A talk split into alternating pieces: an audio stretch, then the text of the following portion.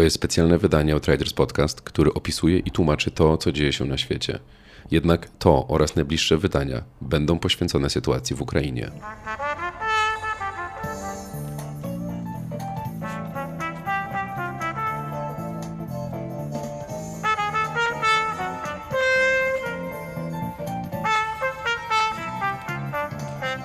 Jeszcze 6 dni temu nagrywałem takie właśnie dźwięki na ulicach Kijowa, a dziś dajemy Wam zupełnie inną aktualizację. Ten podcast wydajemy we współpracy z Gazetą.pl, która informuje. W nocy rosyjscy najeźdźcy wielokrotnie próbowali przebić się przez obronę Kijowa, powiedział rano dowódca obrony Kijowa generał Oleksandr Syrski.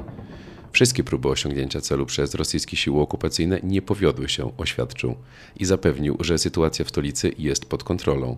Poinformował o zniszczeniu rosyjskich kolumn i znacznych stratach po stronie Rosjan. To ważne o tyle, gdyż wczoraj wieczorem i w nocy pojawiły się informacje o otoczeniu Kijowa i jego odcięciu. Halo? Jak tam dzisiaj?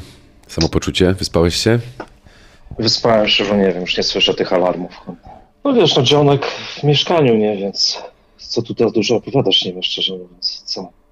Makaron zrobiłem wieczorem. Mm, To pięknie, że macie jeszcze makaron. A, pierwszy raz na coś przygotowałem, bo tak wszystko na suche je- jedzenie ostatnio. Powiedz mi tak, zacznijmy może od tego, bo wczoraj pojawiły się te doniesienia o odcięciu Kijowa. Widziałem też Twoją reakcję na Facebooku i jakby to zostało jednak szybko zdementowane. Więc co, co tam się zadziało?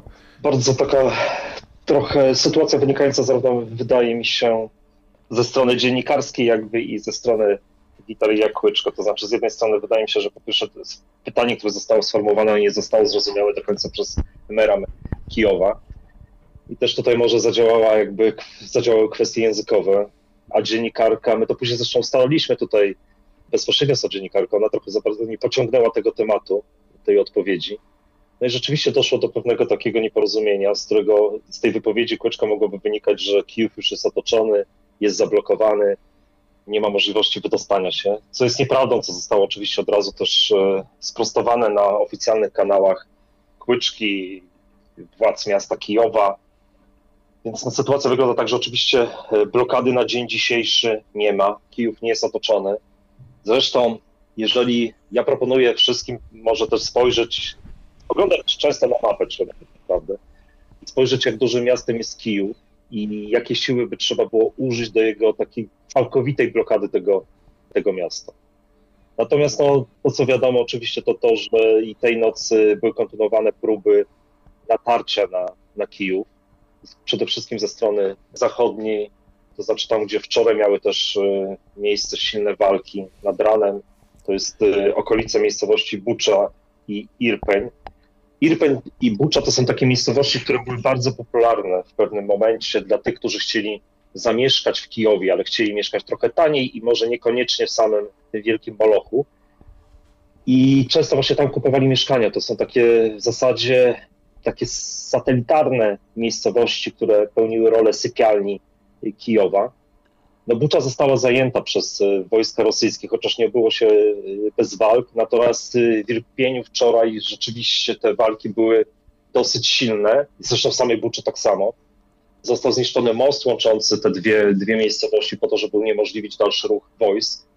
Natomiast no, w internecie jest, jak dla mnie, chyba taki wstrząsający film, jakby no, pokazujący skalę jakby zniszczeń po stronie rosyjskiej armii też jakby możliwości ukraińskich żołnierzy. To jest właśnie kolumna e, rosyjska składająca się z kilkudziesięciu transporterów opancerzonych, czołgów. Tam był jak minimum jedna też cysterna, która została zniszczona na jednej z ulic właśnie Buczy. E, No przy tym oczywiście też jakby trzeba zrozumieć w czasie walk też znaczna część tej ulicy została również zniszczona, ale y, wydaje mi się, że chyba to pierwsza widziałem aż tak dużą kolumnę wojskową, która została po prostu praktycznie przemielona, bo tam widać dwa czołgi, z których zostały tylko gąsienice, w zasadzie koła i jakaś taka zbitka, e, zbitka stali. I oczywiście wczoraj też to, co trzeba, to co nie kończy się od samego początku, czyli te ostrzały rakietowe, ostrzały Kijowa, ostrzały innych miast, bombardowania. No i najtrudniejsza sytuacja oczywiście jest w takich miastach jak, e, jak Czernichów, Sumy, Charków, Bardzo problematyczna może będzie sytuacja już niedługo w Mariupolu, dlatego że wczoraj też pojawiła się ta informacja o kolumnie rosyjskiej zmierzającej tych wojsk, które weszły od Krymu, zmierzającej właśnie w kierunku, w kierunku Mariupola, co też może być próbą wzięcia tego miasta w okrążenie. Tutaj to, co ważne, to oczywiście to, że teraz zakończyła się godzina policyjna, która trwała od e, godziny 17 w sobotę i nareszcie zostały otwarte sklepy. No właśnie, a powiedz jeszcze, poza sklepami działa metro, działają pociągi? Czy jak wygląda ten? Jakby, czy można się jeszcze w miarę jakby skomunikować zarówno w, w środku Kijowa, jak i e, na zewnątrz? Transport miejski przestał działać w sobotę, natomiast y, dzisiaj on ma zostać przywrócony. To znaczy już jest zapowiedź, oczywiście przywrócone zostanie metro. Jest zapowiedź tego, że pociągi metra będą kursować znacznie rzadziej niż to było, było wcześniej, ale tym niemniej jeżeli się oczywiście sytuacja z bezpieczeństwem nie zmieni, to w tym okresie, w tych godzinach od 8 do 22 mhm. E, te pociągi powinny, powinny jeździć, powinny też funkcjonować markety, powinny funkcjonować apteki, czyli no trochę dać też takie możliwości właśnie mieszkańcom po tej długiej godzinie policyjnej odnowić swoje zapasy. Ja sam jeszcze nie byłem w markecie, więc nie wiem, jak wygląda sytuacja z podstawowymi produktami, takimi jak chleb i woda. No ale to, to zobaczę, będę mógł powiedzieć o tym e, później. Okej, okay, a poruszanie się jakieś inne samochodem, czy, czy, czy na pieszo jest możliwe?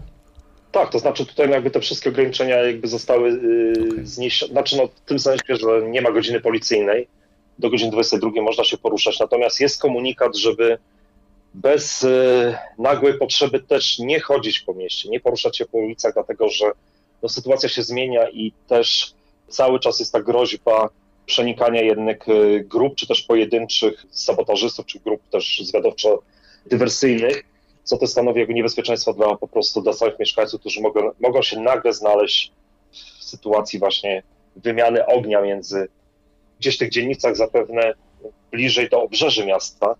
No i też jakby cały czas niebezpieczeństwem są oczywiście ataki rakietowe, ataki z powietrza i tutaj regularnie co jakiś czas są ogłaszane alarmy lotnicze. Niedawno taki był ogłoszony 50 minut temu. Tak, słyszałem o nim. Słuchaj, jeszcze takie moja ostatnia rzecz, bo wczoraj też pisałeś wieczorem, że e, o niepokojącej ciszy, więc chciałem zapytać, jak, czy ta cisza jednak pozostała spokojna, czy jakby podtrzymujesz to, co pisałeś? No to jest jakby problem, znaczy wydaje mi się, że po prostu, jak to bywa często chyba na wojnie, organizm się przyzwyczaja już w pewnym momencie i jakby zmęczenie robi też swoje. Ja już nie słyszałem alarmów, które były w nocy, nie słyszałem wybuchów rakiet, które były też y, podobno w nocy. ale tak, to, to, wydaje mi się, że tutaj w tej, w tej kwestii nic się nie zmieniło. No, cisza tak naprawdę na dzień dzisiejszy oznacza to, że, tej, że ona wcześniej czy później się po prostu zakończy.